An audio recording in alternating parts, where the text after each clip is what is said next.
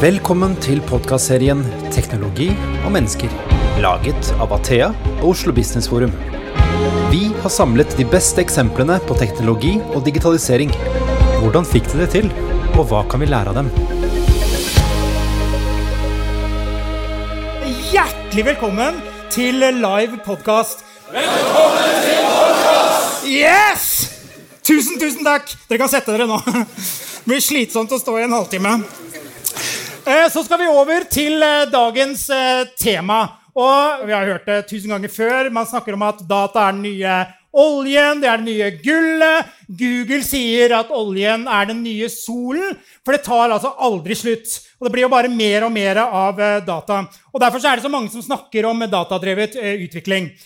Og skal virksomhetene lykkes Jeg prater veldig høyt, gjør jeg ikke? Jo, det er deilig. Jeg elsker å snakke høyt. Jeg er på speed. For å lykkes, da. Fordi at man kan lage bedre produkter og tjenester. Eh, man kan eh, gjøre bedre beslutninger, og så kan det også være med på å løse klimautfordringene.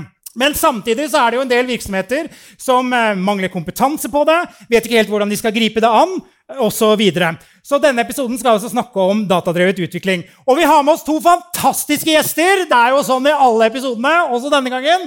Så jeg ønsker da velkommen på scenen Stig Rune Utstrand, leder for data og analyse i Fjordkraft, og Maren Lodden, konsulent i Athea Analytics. Velkommen opp! Velkommen. Velkommen. Ja, da er vi her, da. Ja. Det er jo, jeg, jeg sier det hver gang, men det er så, se på alle de fine menneskene. Det var litt mørkt der nede. Det var litt mørkt, det er ser dem ikke. Det er noe sånn uh, ullent. Det der. Jeg starter egentlig med deg, Stig. Eh, jeg har tenkt på de siste dagene, eller de siste ukene. Du jobber jo i en uh, sabla hot bransje. Ja, det er veldig mange som er opptatt av den strømprisen. Ja, ja, det er jo sky high på, på priser. Eh, politikerne snakker om det.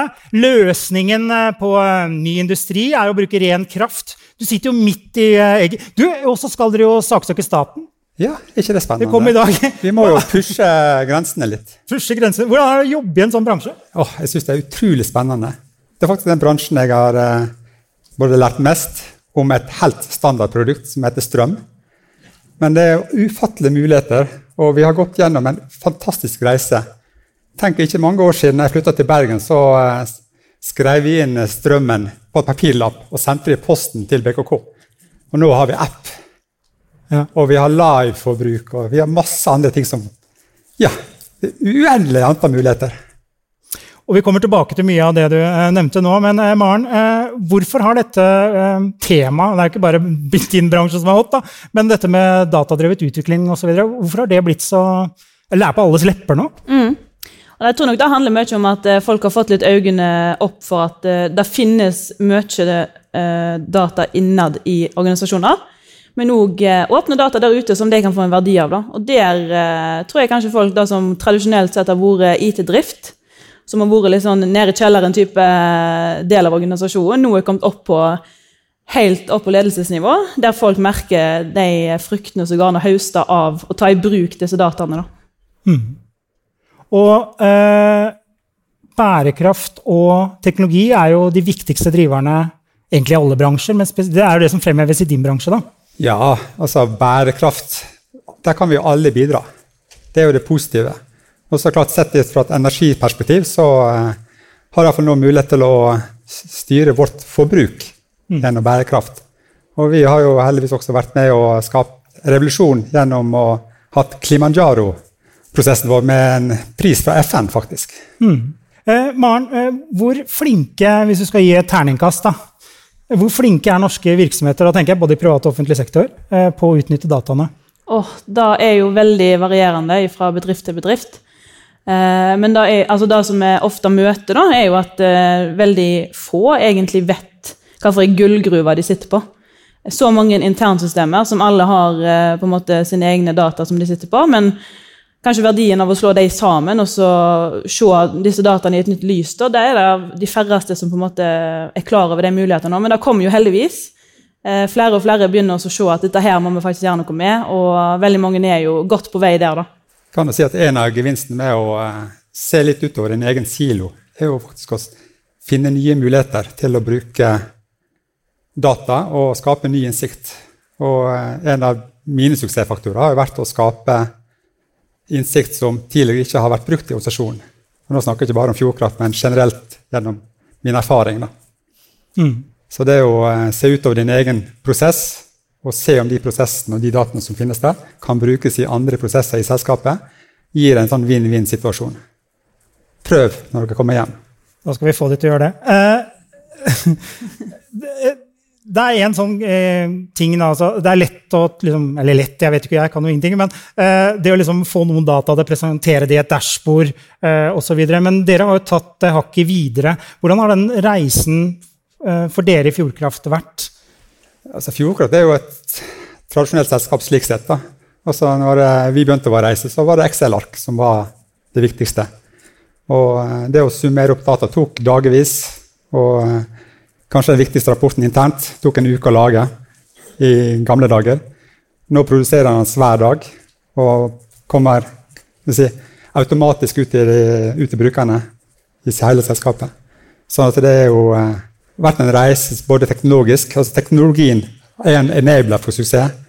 Eh, samtidig så er, er det en del prosesser som må bygges om. da.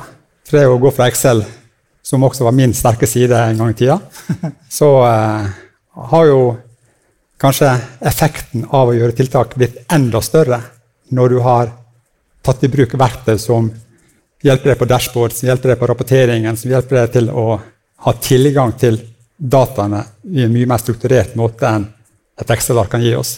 Så Excel-ark er jo veldig silostyrt med de begrensningene som finnes der. Mm. Man er ikke datadrevet om man driver med Excel-ark? Spørs hva du putter inn i Excel-arket, da. Men uh, som regel så er det jo sånn som du sier, at det er veldig ofte ett kjernesystem. Uh, og du har jo selvfølgelig muligheten til å koble sammen data fra ulike kilder og så få en ny innsikt da, i Excel, men det er denne aggregeringa av store datamengder som kanskje da bør gjøres med andre verktøy. Da. Uh, og da er jo noe som vi på en måte ser veldig ofte, at folk er veldig glad i det de kjenner godt. Og da også bevege seg ut i det ukjente og ta i bruk nye verktøy for å gi dem den informasjonen som de kanskje har brukt eh, flere dager med manuelle prosesser for å få ut, det er en stor milepæl for, eh, for, folk. Og det er jo forståelig.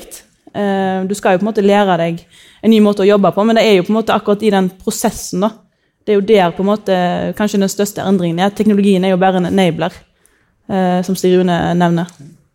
Nei, så Du må gå reisen. Du kan ikke jukse på reisen. Altså, vi starta med Excel-ark. Vi begynte med datavarehus, on prem, og det nye nå er jo ski. Skireisen er jo en reise i seg sjøl. Men den gir jo også fl mange flere muligheter. Men det krever jo fortsatt struktur, governance, og at vi følger lover og regler. Men eh, den bidrar til å styrke mulighetene. Så vi eh, har sagt godt fra Excel via tradisjonelle databaser og datavarehus og tradisjonell rapportering, hvor vi egentlig ytterst har rapportert via verktøy og laster inn Excel for presentasjon. Så En av suksessene var jo å generere rapporter ferdig i analyseverktøyet. Slik at forretningen sparte tid. Så de kan faktisk bruke tid på å se på analysen og vurdere dataene i stedet for å tilrettelegge data. Og Neste steg er jo da å sørge for at eh, dette går kjappere, og at vi begynner å koble data på tvers av prosesser, som vi har starta med for mange år siden, og som nå jobber bare med å bli forsterket ytterligere. For jo mer data du har, og jo flere prosesser du kan koble sammen, jo bedre beslutning kan du ta. Og på sikt så har vi jo eh, kunstig intelligens som står der og kan gjøre en del ting automatisk for oss. Eh, dere har jo eh, eh i mitt hode at man forestille seg at man, eh, de som er glad i data, det er jo dere to, så kan man sitte og rote litt på bakrommet og holde på. da. Og så sier du at det brukes, altså, hjelper i forretningen. men kanskje den viktigste verdien er jo kundeverdien. Hvordan tenker dere når dere utvikler noe basert på data? Da, det med kundeverdi, altså det må bety noe for kundene deres? Ja, Fra mitt ståsted er jeg veldig opptatt av at kunden skal, vi skal hjelpe kunden til å få en bedre opplevelse av den tjenesten de kjøper. Og Det er derfor vi bl.a. har brukt den appen vi har, for å forsterke den si, produktet vi har å selge i markedet. Men samtidig så er det sånn, kommer ikke, det kommer ikke av seg sjøl. Og så er det spørsmålet skal du ha en app for å ha en app, eller skal du ha en app for å generere mer innsikt? Fordi Hvis vi ikke lager en tjeneste som ingen bruker, så må vi egentlig fjerne den fra løsningen. Og så heller forsterke de tingene som faktisk blir brukt.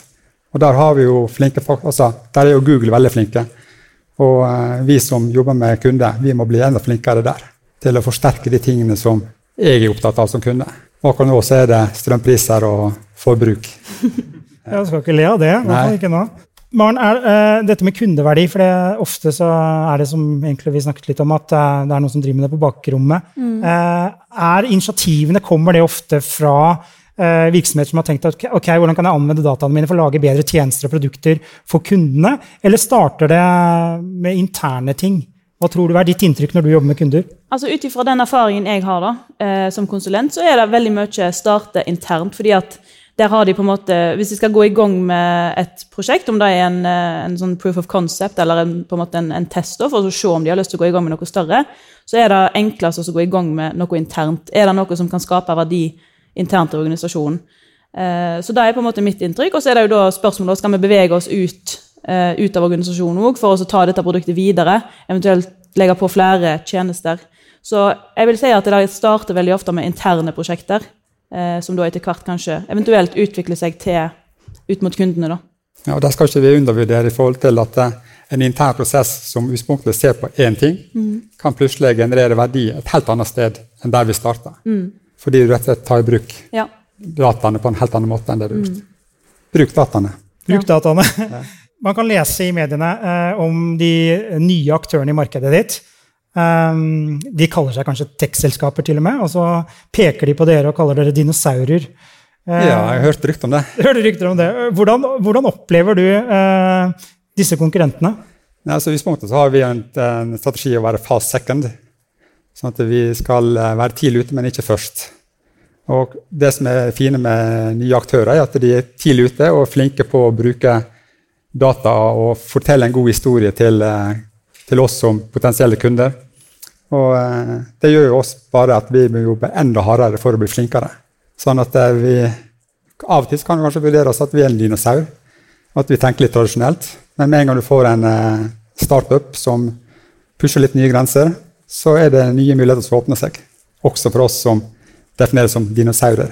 Så du tenker ikke av og til når liksom, Tiber kommer med en eller annen tjeneste Shit, pokker, den burde vi ha gjort? Jo, altså sånn på bakrommet kan jeg jo si sånn eh, Det er jo litt sånn at De er jo født digitale.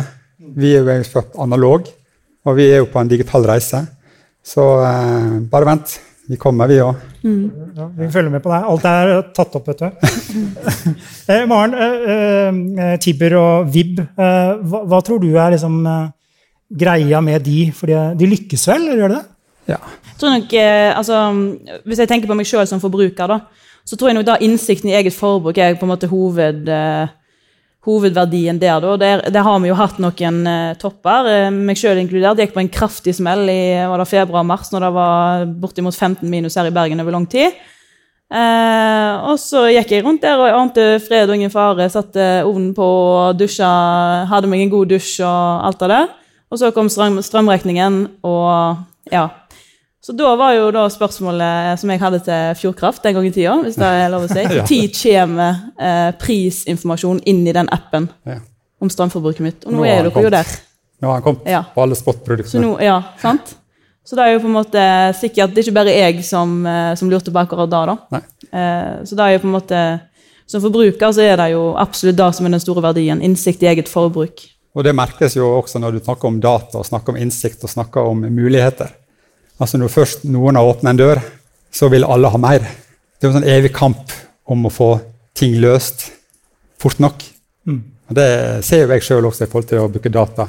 Jeg ønsker jo å gjøre mye ting mye kjappere enn kanskje nødvendigvis du har lov til å få til, eller har ressurser til å få gjennomført.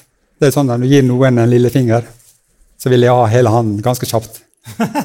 og Det er litt med muligheten rundt data. at uh, Har du først åpnet den lille døra, og du ser muligheten, så kommer eh, alle springende. Og jeg ser bare på strømprisene og på eh, forbruksdata. Det er ekstremt mye vi kan bruke den informasjonen til innenfor en del rammer, vil jeg merke. Og så håper vi at vi kan komme et skritt videre. For det er jo noe deilig med nye aktører også, som kan endre forventningene som forbrukerne har i et marked. Da. Så eh, Stig, hvis du skal si litt om hvordan dere jobber med innovasjon i Fjordkraft, hva, hva vil du For det er flere modeller. da, Noen liksom roter det til i vanlig drift osv. Andre velger å ha organisasjoner utenpå organisasjonen. Hvordan har dere løst det i Fjordkraft? Jeg eh, vil si at vi har tatt større ansvar internt. Og så har vi jo en del eh, sterke støttespillere som vi eh, har god hjelp av. Så det er viktig å, eh, å si både være innadretta, men samtidig utadretta. For du klarer ikke å gjøre alt sjøl. Altså, jeg ikke selv, er ikke smartere enn alle dere. Det er helt fysisk umulig. Så vi er sterkere sammen enn én og én. Og det gjelder også som forretningsutvikling. Så det jeg har fokus på, er jo da data og mulighetene rundt data. Og så har vi en del tradisjonelle ting som er knyttet til kundeservice og salg, som på sikt også vil eh, kjenne på at data vil treffe de i større grad, fordi det genererer flere muligheter. Dere har jo gjort en rekke initiativ. Hvis, hvis du skal plukke fram liksom et par ting som du er mest stolt av, eh, som har noe med data å gjøre, da, siden det er tema, hva, hva velger du å plukke fram da? Nei, jeg vil jo starte det å eh, evne å se ting på tvers. Altså det å klare å eh, bygge opp en, en plattformmodell rundt data som eh, blir en motor for innovasjon. Vi ikke bare lage et dashbord som ser hva som har skjedd. Vi må, la, vi må utvide horisonten og også tenke oss som kunder. Altså hvor mye kan jeg hjelpe kunden med? Hvor mye kan jeg hjelpe interne prosesser med? Det, og det føler jeg at vi har fått til nå i den moderniseringsreisen vi går fra on-prem til eh, skyreisen. Hvor vi egentlig prøver å lage standardisert, men samtidig strukturert tilnærming på datahåndtering. Fordi eh, verden går kjappere og kjappere, og det å ha kontroll på og innsikt i de dataene eh, gi- gir konkurransefortrinn, og det skaper verdimuligheter, men de må forvaltes godt. da. Og det er jo på en måte litt sånn det med at du, du, du legger til rette for et slags rammeverk, altså i en type sånn dataplattform-tankegang, så gir du organisasjonen sjøl muligheten til å være kreativ med de dataene de sitter på, med å samle alt på én plass. Og da begynner du plutselig å se sammenhenger mellom ting, altså avdelinger som har vært helt på en måte silobasert før, begynner plutselig å se men kanskje jeg kunne brukt de dataene, fordi da har jo ikke jeg tilgjengelig min rapportering i dag. Men det kunne egentlig vært veldig interessant å sitte på. så på en måte Leke litt med den tanken, og så få folk til å åpne, åpne øynene litt og heve blikket litt. Og bli litt mer kreative med det de sitter på. Nei, Det passer fint inn i forhold til det ønsket jeg har med å lage en innovasjonsmotor. Da. Det er jo ikke noe vi skal hente alle data, men vi skal hente de data som er relevant, og de data som skal være tilgjengelige kjappest mulig når vi først bestemmer oss. at De dataene vil vi sjekke litt nærmere på. Og så må du da ikke bruke tre, seks, ni måneder på å lage analysen. Forventningen er at analysen skal komme nesten der og da. I hvert fall det å lage en type MVP-løsning som Ja. gir en sånn førsteinntrykk på hvordan det kan se ut. Og da ser vi jo, Hvis jeg bare kan få trekke litt paralleller til eh, Tidebuss, med Ronny som var på scenen her eh, tidligere, som jeg òg er inne hos. da. Eh, der vi på en måte har eh, utvikla en dataplattform. Vi samla et knippe kilder, både interne systemer, men òg eksterne åpne datasett. Eh, og der har vi bygd løsninger som eh, absolutt ikke er liksom, eh, de fineste eller stiligste, mest avanserte rapportene, men det er godt nok til at de kan ta beslutninger basert på de dataene. La nå de som vet, altså kjenner businessen best, bruke rapportene, komme med tilbakemeldinger, for da får du den iterative prosessen med at du etter hvert kommer til et sinnssykt bra produkt. da. Og den, den eh, måte, tankegangen har vi hatt litt der at vi pusher ut en rapport, la de få bruke den, kommer tilbake med at dette funker, dette funker ikke, vi må se det i dette lyset istedenfor sånn. Og da får du på en måte da samspillet. da. Og rapporten i seg selv er jo bare et verktøy, men det er jo menneskene som bruker den, og prosessene videre, som skaper den ekte verdien. Det er jo ikke rapporten i seg sjøl. Ja, da er jeg helt enig i at eh, det å lage noe som, som du kan starte og videreutvikle, er veldig viktig. For det å ha en hel haug med forretningsfolk som står og venter og venter og Tenk på oss som kunder. da. Vi har ventet på den appen, vi venter den strømprisen. Hvorfor kommer ikke den? Altså, Den tålmodighetsgrensen er jo begrenset. slik at hvis ikke vi klarer å levere innenfor de forventningene som er i selskapet, og også for eh, sluttbrukerne, så eh, er det lett å gjøre andre tiltak. Energi er jo, hvis man skal tro eh, mediebildet nå, er jo i ferd med å bli en knapphetsfaktor. Altså, vi sliter jo med Virker sånn, da. Jeg vet jo ikke. Men vi sliter jo med energi, da. Og så tenker jeg, når er vi der at uh, den appen du snakker om, er koblet opp selvfølgelig til mitt strømforbruk? At den styrer vaskemaskiner, kaffetrakter uh, var faktisk å vaske tøy, så jeg på TV her, at det koster bare to kroner. Ja, billig. Så det er billig. Jeg trodde det var liksom hundrelappen. Da. Så jeg har liksom samla skit i løpet av en uke. Men uh, når er vi der liksom at eh, du får det, egentlig kanskje smart, smarte hjem? da, Sånn at Fjordkraft kan styre mitt hjem, sånn at jeg får lavest mulig eh, strømregning? Ja, Det er jo et godt spørsmål, og det er vanskelig å spå frem i tid. Men det er jo et interessant tema som eh, tas opp, og det går jo også på, går på tillit. Spesielt i forhold til om jeg har lyst til å gi Fjordkraft lov til å styre mitt hus. Og så kan du si, Jeg har jo prøvd en gang å bygge opp et Alexa, sånn uh, Alexa i huset mitt hjemme. Og jeg har aldri fått så mye kjeft av kjerringa noen, gang. Fordi jeg ikke klarte å slå av ovnen og ikke klarte å endre lyset og ikke klarte noe som helst. Så jeg måtte bare slå det av. Sånn at eh, vi har nok litt å gå før vi kan eh, styre ting automatisk. Mm. Fordi det er som å si, i hus, huset hos oss er vi fire stykk, og de har eh, litt sånn fire forskjellige interesser på når ting skal av og på. Ja, for å si det sånn. Men det er en deilig tanke, det, Maren. å la et eller annet selskap som du har tillit eh, Facebook kan jo ikke gjøre det. Men eh, Fjordkraft, kanskje? eller? Ja, kanskje. Ja. Men så er det jo på en måte den andre biten òg. Du har jo mange eh, altså, F.eks. Eh, panelovner og sånn er jo i dag utstyrt med eh, mekan altså, mekanikker der du kan styre deg sjøl. Og det er jo ikke sånn nødvendigvis at Fjordkraft på en måte trenger å ha den kontrollen. Men at du, du kan styre faktisk fra Fjordkraft-appen. Ja, ja. ja. Der ser du. Noen utvalgte. ja, så det, du, du, kan på en måte sitte med den kontrollen eh, på egen hånd òg, da. Det er vel kanskje det som, eh, som forbruker er mest eh, Du vet jo sjøl hvor varmt du vil ha det. på en måte. Det er jo ikke sikkert eh, den, samme, temperaturen passer for alle. Det er nå ikke ukjent for mange, tror jeg. Nei, men jeg tror veldig mye av det kommer til å komme etter hvert som 5G rulles ut. For akkurat nå så må du koble opp alle komponentene i et nett. Og ja, det kommer ny teknologi, men det er samtidig veldig mange tilbydere av tjenester. Så eh, jeg tror vi må få en standardisering i markedet før vi kan eh, si at alle har et smarthus. Mm. Og hvor lang tid det tar, det vet ikke jeg. Men sånn personlig så er jeg ikke interessert i å bytte ut alle mine varmeovner og komfyrer og kjøleskap og varmtvannsberedere bare for å få en wifi-dings. så sparer meg to kroner i dusjen eller et eller annet. Nei, dusjen var 11 kroner. Ja, det var 11 kroner dusjen. du kan vaske, vi kan vaske alt til to kroner. Hva, hva, er liksom det viktigste? For jeg tenker dette med eh, strømdataforbruk, som er et fint ord, det er jo eh, For det, dette er, det er bærekraft i dette også. Um, jeg føler i hvert fall med min strømleverandør så er jo ingenting. Bør jeg bytte til Fjordkraft? holdt jeg på å si? Svarer du sikkert ja på, så du slipper å svare på. Men Men hvordan skal man, eh, for Det må jo handle om at du skal gi kundene makt og mulighet til å liksom, få bruke strøm. Da. Det kan hende at, jeg, at forbrukerne også produserer strøm, sånn at jeg også blir en leverandør inn i strømnettet. Ja, alt er jo i dag mulig. sånn at det er jo eh, et spørsmål om eh, hva du oppfatter som bærekraft for, for deg og meg. da. Ja. Og sett sånn så hva vi tilbyr i dag, så er jo det klart en oversikt over timeforbruket ditt og Da kan du velge å ta hensyn til det i forhold til en profil. Altså Jeg vet at jeg bruker mye strøm klokka mellom 7 og 8, men kan vi endre på det i forhold til at alle skal på jobb, alle skal på skole? Så er det sånn, Jeg klarer ikke å flytte den tiden. Jeg, ikke, jeg bør kanskje dusje på kvelden. Nei, jeg kan ikke det, for da er det dyrt da òg. Alle legger seg svette. Ja, I natt for eksempel, det var jo det billig klokka mellom 3 og 5. Da var det 17-20 øre på kilowatten. Og så når jeg sto opp, så var det plutselig 1,50. Så sånn, jeg, jeg, jeg, jeg personlig endrer jo ikke mine vaner pga. det. Og så er det sånn, ja, Kan jeg lade elbilen annerledes? Ja, det kan jeg. Jeg kan lade elbilen smart når det er billigst, for det fins det teknologi for. Eh, og så er det spørsmålet om vi kan gjøre andre endringer som påvirker vårt bidrag.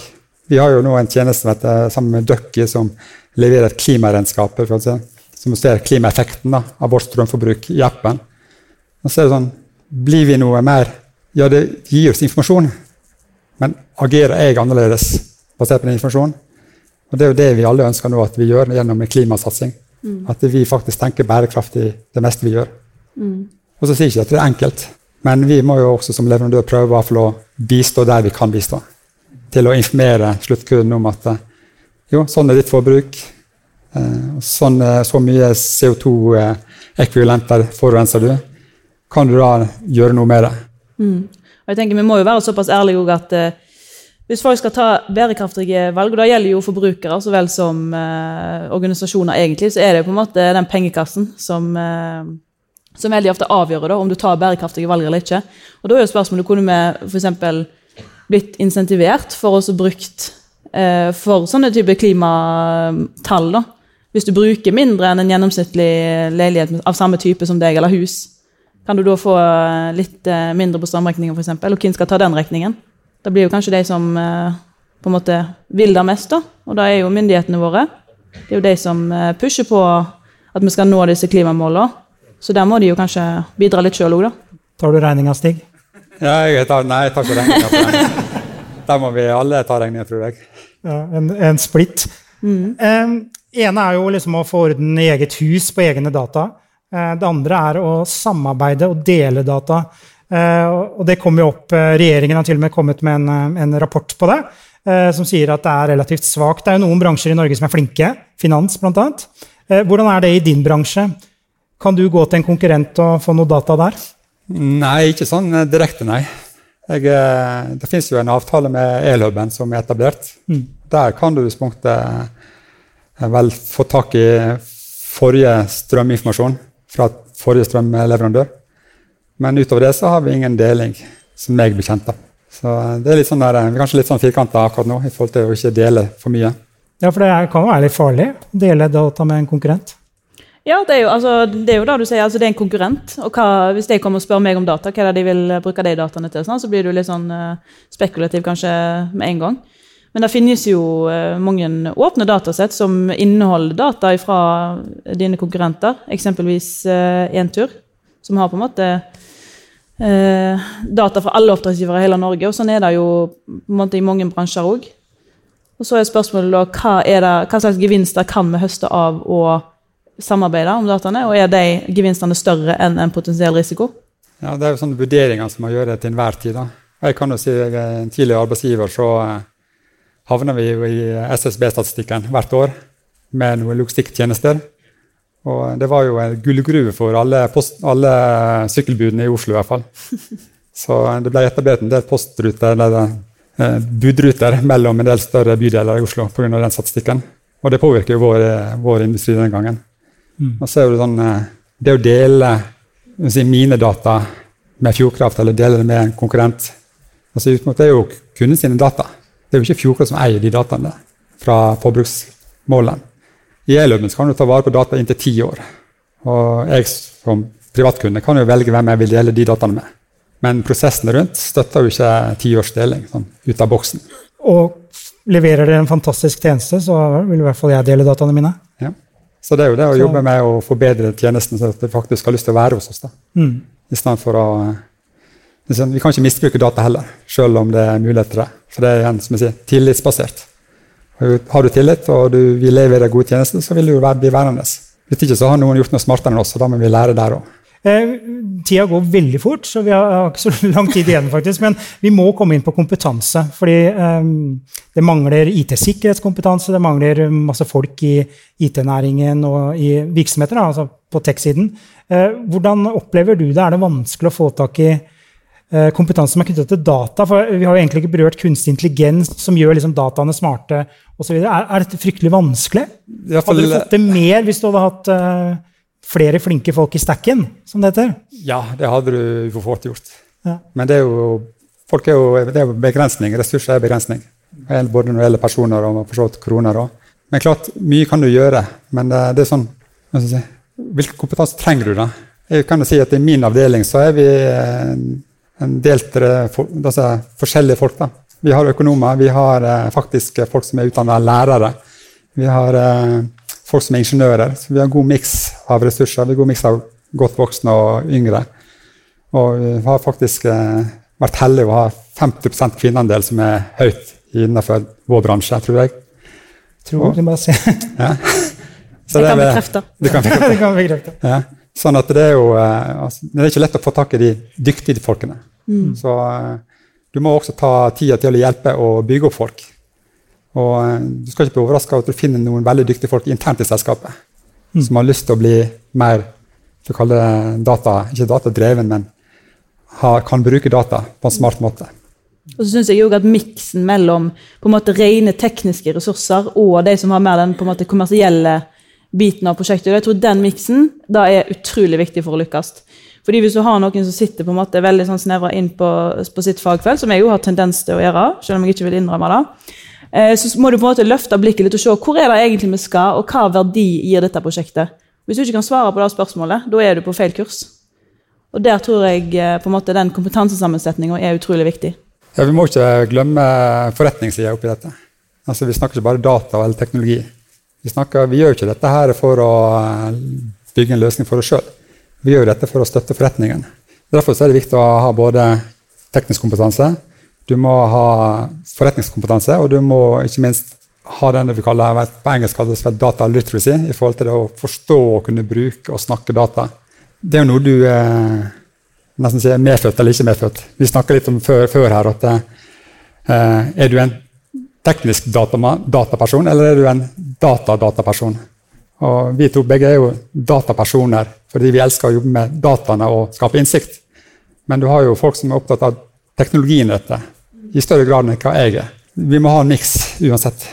Eh, før vi går over til vår faste spalte, så eh, tenkte jeg at vi skulle ta en runde på eh, fremtiden. Hva, hva ligger eh, eh, Du, det lurer jeg på. Eh, hva er det neste vi kan få fra Fjordkraft? Oi. Avslør, det er ingen som hører. Så. Det er ingen som hører, så Nei, Vi må jo være litt forsiktige da, når vi er børsnotert, vet du. Ja, det er sant. Men hva tror du om fremtiden, da? På, hvis du skal se inn i kula? Nei, jeg tror vi får se mye mer eh, informative tjenester. Mye mer uh, smarte tjenester. Litt sånn som du var inne på med styring både her og der. Og det er liksom Vi som forbrukere ønsker egentlig å få bedre tid til andre ting. Og la andre ting, altså Vi kan la teknologi styre oss. Jeg ble jo lykkelig den dagen jeg så at Google hadde full kontroll på at jeg, hva jeg hadde stilt av reiser og hotell. og kunne bare følge Google, jeg, så visste jeg hvor jeg skulle. Og sånn kan jeg oppleve at når vi får smarte biler og smarte hus, og alt går liksom et, sånn som jeg vil ha det. da. Mm. Men spørsmålet er om vi klarer å få en fleksibilitet i tjenesten som gjør at jeg er happy, fruen er happy, ungene er happy. Den er jeg litt mer eh, spent på. Få dele inn huset. Kjerringa, som du kalte det, er kjelleren, og så får du ta resten.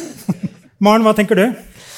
Nei, jeg tenker altså, vi, Mens vi snakker om strøm, da, så er det på en måte noe med da smarte hus. og noen, noen, vil jo på en måte snappe opp denne utviklingen ganske, ganske, kjapt og på en måte har et interessefelt som er innenfor det. da. Vi har jo eh, bl.a. En, en ny graduate på vår avdeling som allerede før han startet så har begynt med liksom, smarthjem og monitorering av det. og Det handler nok mye om interessefelt. Eh, for min egen del så tror jeg ikke jeg har på en måte behov for sjøl å eh, finne ut hvor mye er det kjøleskapet mitt drar, eller hvor mye jevnt over bruker jeg vaskemaskinen. Men da å kunne våkne opp til ferdigtrakta kaffe før jeg har stått ut av senga, det hadde vært ganske nice.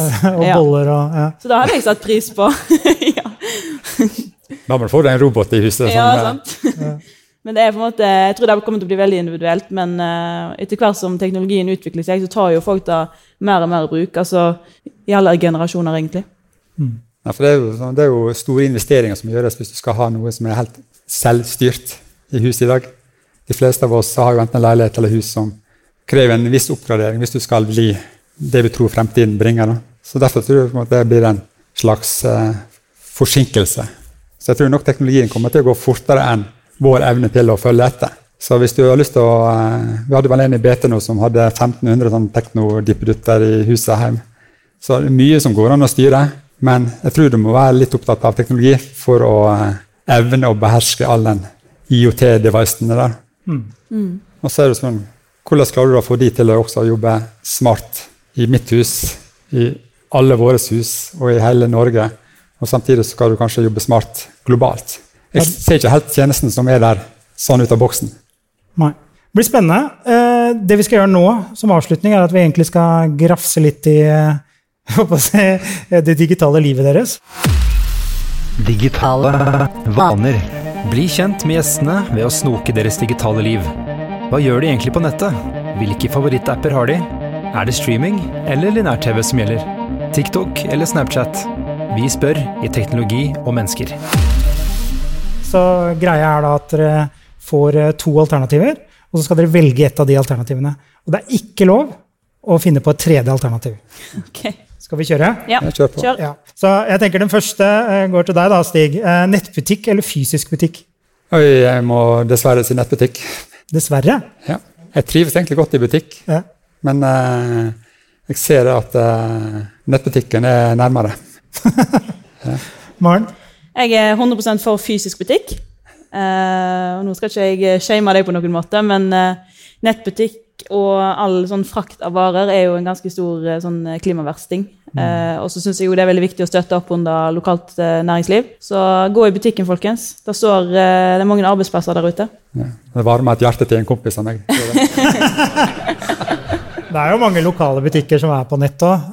Ja så jeg tenker, men er du sånn som kjøper liksom 17 skjorter, og så prøver du hvilken, og så sender du 16 tilbake? Nei, det gjør jeg ikke. Nei, Du er ikke der? Nei. Eh, Maren, uh, seriefråtsing eller én episode i uka? Ehm, da må jeg si seriefråtsing, tror jeg.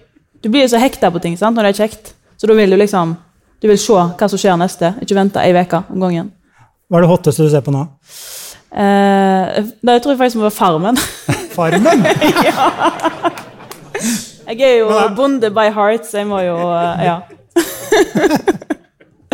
Stig, hva, hvor er du? Nei, jeg er litt mer for at jeg prøver å ha en, altså episode om gangen. Selv om jeg er jo tilbøyelig til å eh, se flere fortløpende, jeg òg. Men det er jo litt sånn igjen hvor flinke de produsentene har blitt med å bruke innsikt på hva som girer oss til å se litt mer, litt mer, og plutselig klokka ett om natta.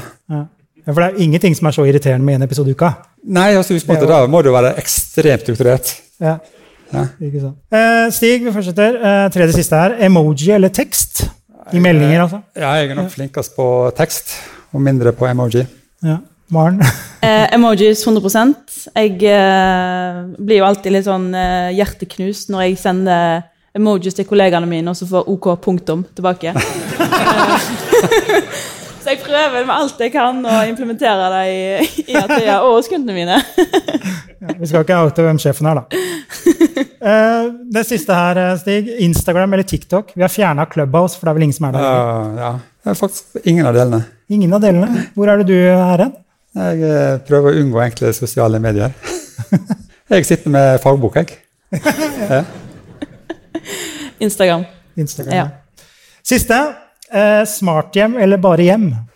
Og jeg har egentlig lyst til å si bare hjem, men jeg er egentlig sånn teknofrelst, så jeg sier, må si tekno, teknohjem. Teknohjem? Ja. Maren? Jeg er jo enkel sjel, så jeg tror jeg må si vanlig, vanlig hus. Eller heim. Mm. Mm, det er noe ja, det går, altså Alle har jo sett den der Rema 1000-reklamen.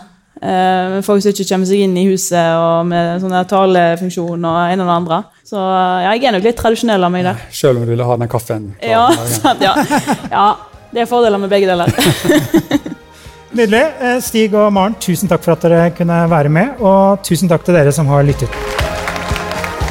Du har nå lyttet til Teknologi og mennesker, laget av Athea og Oslo Business Forum.